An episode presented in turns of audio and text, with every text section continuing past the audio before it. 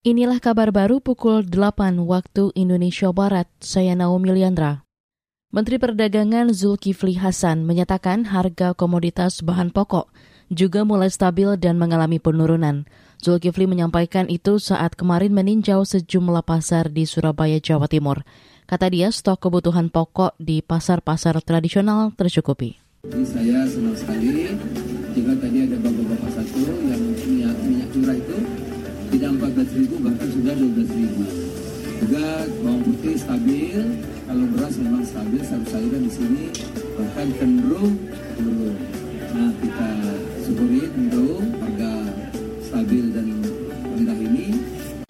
Menurut Mendak Zulkifli Hasan, beberapa harga komoditas yang turun meliputi minyak goreng, bawang, dan cabai yang sebelumnya sempat mengalami kenaikan.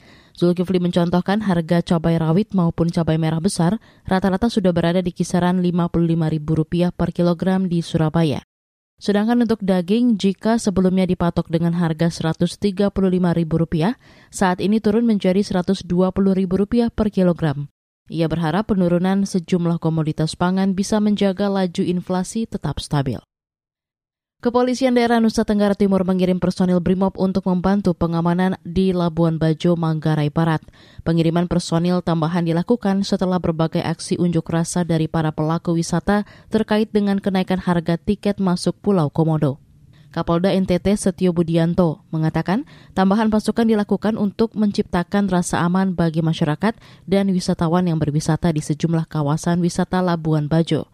Setio tidak menyebutkan berapa jumlah personil BRIMOB Polda NTT yang bertolak menuju Labuan Bajo. Sebelumnya, sejumlah pelaku wisata di Labuan Bajo menggelar aksi unjuk rasa di sejumlah titik Labuan Bajo dalam beberapa hari terakhir. Mereka menolak kenaikan harga tiket masuk Pulau Komodo yang semula Rp150.000 menjadi 3,75 juta rupiah per orang. Kenaikan mulai berlaku Senin ini.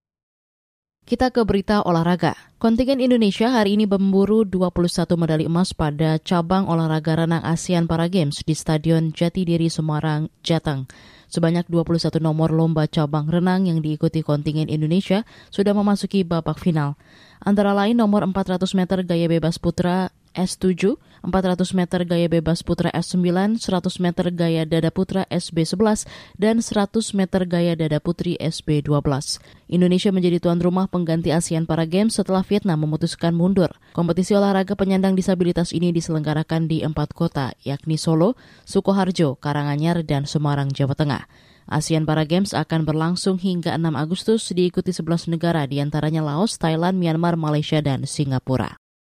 Saudara, demikian kabar baru KBR. Saya Naomi Liandra undur diri.